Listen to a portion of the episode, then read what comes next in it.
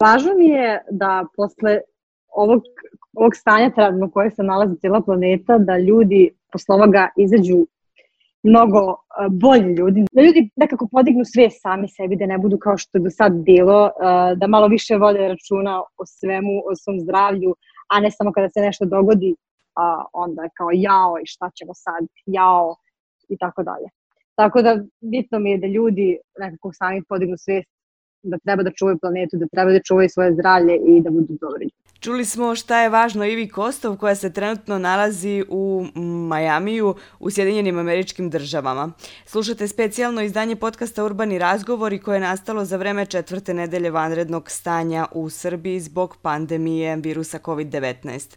U ovim specijalnim izdanjima urbanih razgovora razgovarat ćemo sa različitim ljudima i različitim profesijama e, iz različitih zemalja, ali na istu temu. Kako epidemija virusa COVID-19 utiče na njihov život, kako izgleda njihovo okruženje trenutno, ali i kako ispunjavaju svoje dane.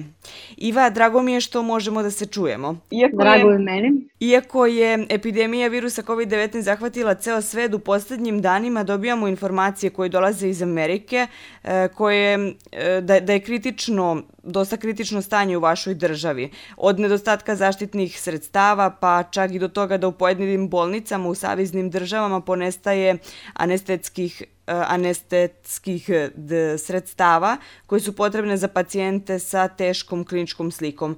Naravno, tu su i vesti koje uzdrmavaju ekonomski i eh, sociološki aspekt cele te priče, a to je povećanje nezaposlenosti. A, Iva, možda je najbolje da nam ti kao osoba koja živi tamo kažeš kakvo je stanje u Americi kada je u pitanju epidemija COVID-19. Pa ovako, a, prvi put kad se čula vest o tom virusu da je krenula znači u Evropi, u Srbiji i ostalim zemljama, ljudi, imamo se da ljudi to nekako nisu ovde shvatili uopšte ozbiljno i da nekako su pristupili tome, ah, to će proći će ovde, ako dođe, došlo je, ali proći će. I nekako u početku je sve to tako bilo nekako, jednostavno mislim da ljudi nisu shvatili ozbiljno. E, vremenom, kako se e, situacija ozbiljila svuda u svijetu, e, tako su i ovde ljudi dobili svest. Međutim, ja mislim da su ovde ljudi nekako mnogo brže to Mi ovde nismo imali, odmah nisu nam e, uveli zakon da ne smemo izlaziti iz kuće, ali ljudi su sami e, nekako ostali kod kuće. Nekako su čak imala sam evo komšiju koji je sam sebi zablindirao vrata i napisao na vratima da, ovaj, da mu se niko ne približava i tako dalje. Ljudi nekako imaju veću svest, da ne znam zbog čega je to tako, ali ljudi nekako su kao da su sami sebi postavili zakone i jednostavno ne izlaze iz kuće. Nedavno su uh, uveli, tek sad su ove nedelje uveli zakon da ljudi moraju nositi uh, maske uh, gde god da krenu, uh, pogotovo u prodavnice. Uh, prodavnice rade skraćeno, rade do 8 sati i uh, nekako to se ovde čudo pogotovo što je u Majami, jer, sam, jer živim u Majamiju i ovde je uglavnom sve otvoreno 12, ali jednostavno tako mora biti, takva je sad situacija i tako mora valjda biti. Sve u svemu držimo se. Kako je sada stanje u Majamiju? Da li su plaže puste, da li nema toliko ljudi na polju? Pa evo ovako, uh, na primer, ja ovih dana živim u zgradi gde imamo bazen, bazen su zatvorili, kako je cijela ova situacija, ali e, ljudi dalje mogu da se sunčaju ispred, kako da kažem, imamo onako iznad bazena da mogu da se ljudi sunčaju i ja i sad odlazim tamo da se sunčam, pošto ovde ima svaki dan oko 30 stepeni, 31 stepen. Uh, I uglavnom možete vidjeti Srbe kako se sunčaju. Uh, ovako ovi Amerikanci sve su nekako preplašeni i svi su u kućama. Ali ja zaista smatram da uh, ukoliko se čuvaš nekako da me neće zahvati, ja nekako sam više tako u toj pozitivnoj strani, tako da ne znam. A, ljudi, naravno, funkcionišu, kao pre kažem, svi, su uglavnom u kućama, ulice su uglavnom prazne, ali a, naravno, ljudi prodavnice sad, sad su od utorka počeli nositi maske i rukavice, do tada svi su se šetali po prodavnicama bez toga. Kako se tebi život promenio? Pa meni se, meni u suštini super, samo iz jednog razloga jer sam trebala da izda, knjiga je trebala da mi izda, izađe sad, u, izađe sad u maju ili junu. Uh, i trebala sam da završim sve oko toga, tako da ne mogu reći, ali meni je super došla ova situacija trenutno, iako naravno, naravno da nije super i naravno da, i da je mnogo grozno što se dešava, ali meni je super došlo da neke obaveze nisam mogla stići. Znači kada radim i usputi da pišem, previše, previše to jer sam spavam po 2-3 sata i onda ovaj, ovako sada imam vremena da se posvetim tome i eto. Iako sad naravno ću morati da odložim to izdavanje knjige jer verujem da ekonomska situacija posle ovoga neće baš biti dobra. Tako da sam mislila da tamo negde pred novu godinu, ali vidjet ćemo potom potom. Prvo da se ovo reši, nam se da će sve biti super i da će uskoro, bar u Srbiji, bar što se tiče tog zakona da morate biti kući do pet bar da se to malo nekako da ljudi ne polude do kraja, pošto vidim da su već svi onako na da, izmaku snage utiče na ljude. A e, kako, e, na primjer, idete na posao, kako ti funkcioniše sad taj svakodnevni život, je li skraćeno radno vreme? Ovde, e, od kako se proglasilo vanredno stanje, ne rade restorani, ne rade, e, čak ne rade neke prodavnice, mnogi objekti i tako dalje. E, ja radim e, kao bartender u jednom restoranu, odnosno to je kao neki nargila lokal restoran, da tako kažem. E, to su zatvorili još jel, pre mesec dana. Um, ja, da nemam ušteđevine, ne znam kako bi, ali pošto imam, pošto sam ovde duže, ok mi je, ali ono, čekam kad ću više krenuti da radim, samo znam da neće to biti narednih 30 dana sigurno još. E, posle toga se već stvarno nadam, jer, jer inače ovde su krije baš skupe i hrana je dosta skupa, onda još kad se ne radi, onda je malo. Ali, kažem, pošto imam ušteđevine, ok mi je, ali eto, čekam ipak da krenem da radim.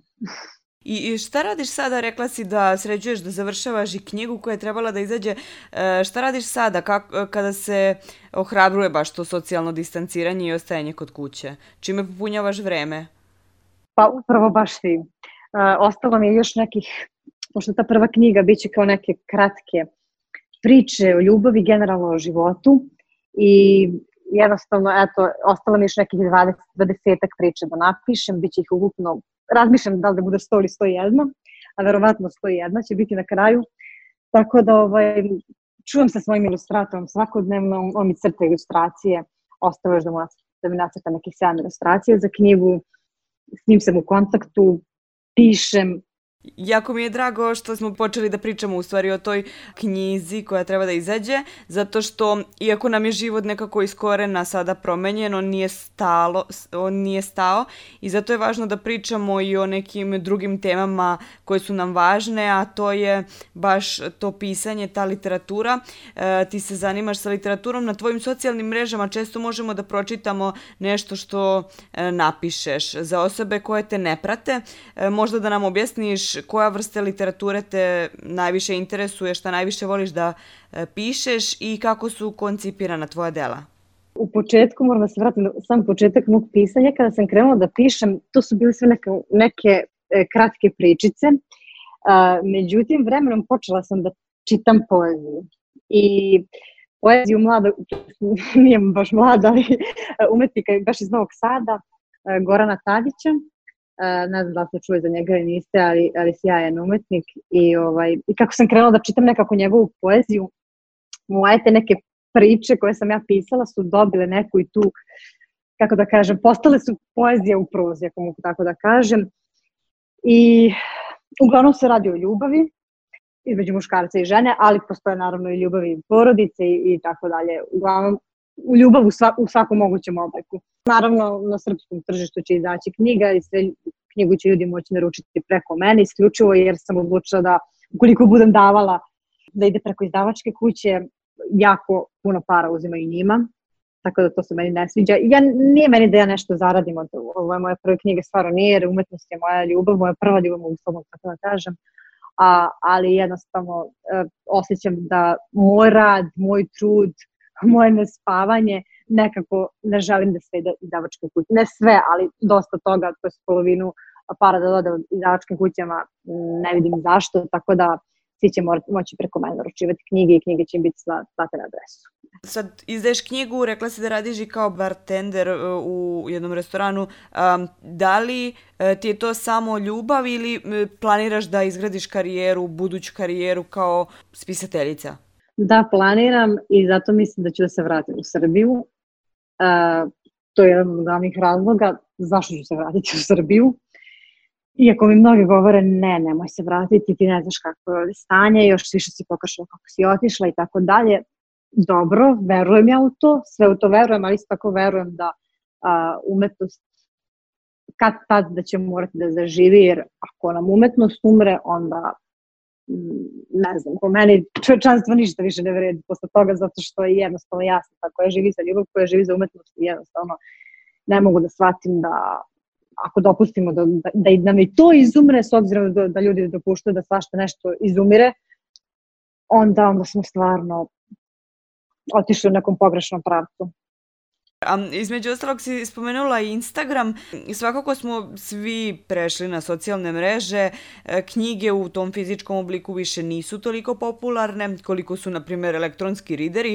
E, da li smatraš da su socijalne mreže u stvari novi način da pisci i spisateljice dođu do publike?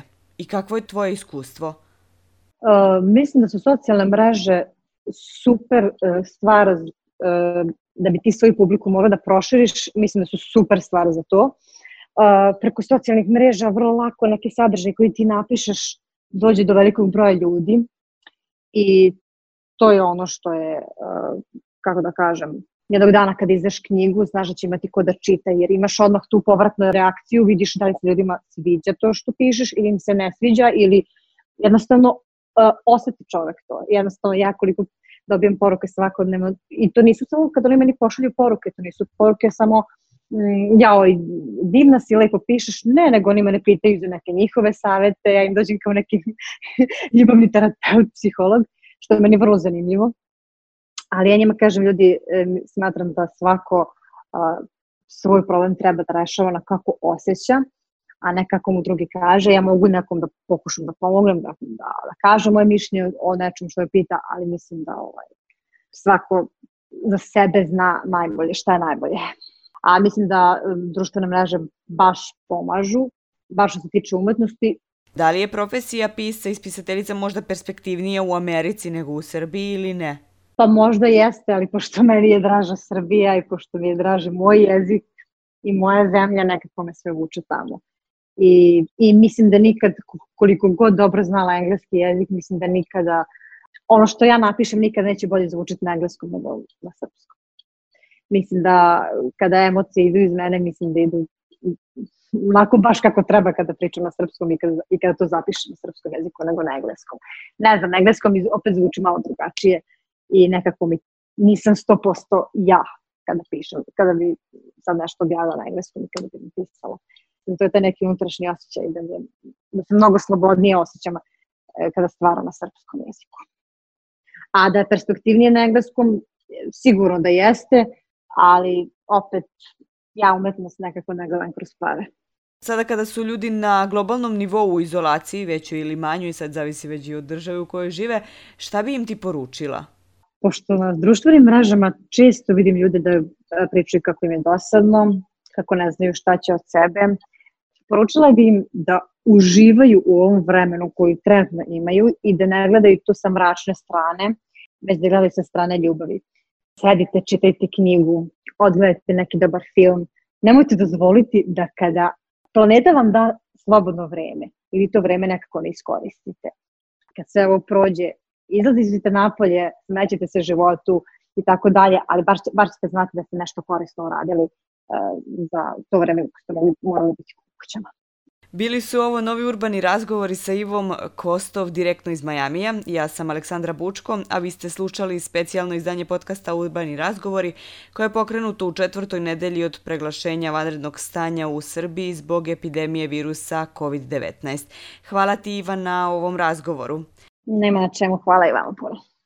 Podcast Urbani razgovori je dostupan u sklopu medijskih sadržaja Fabrike kreativnosti na platformama Mixcloud, Anchor, Google Podcast i na YouTube-u.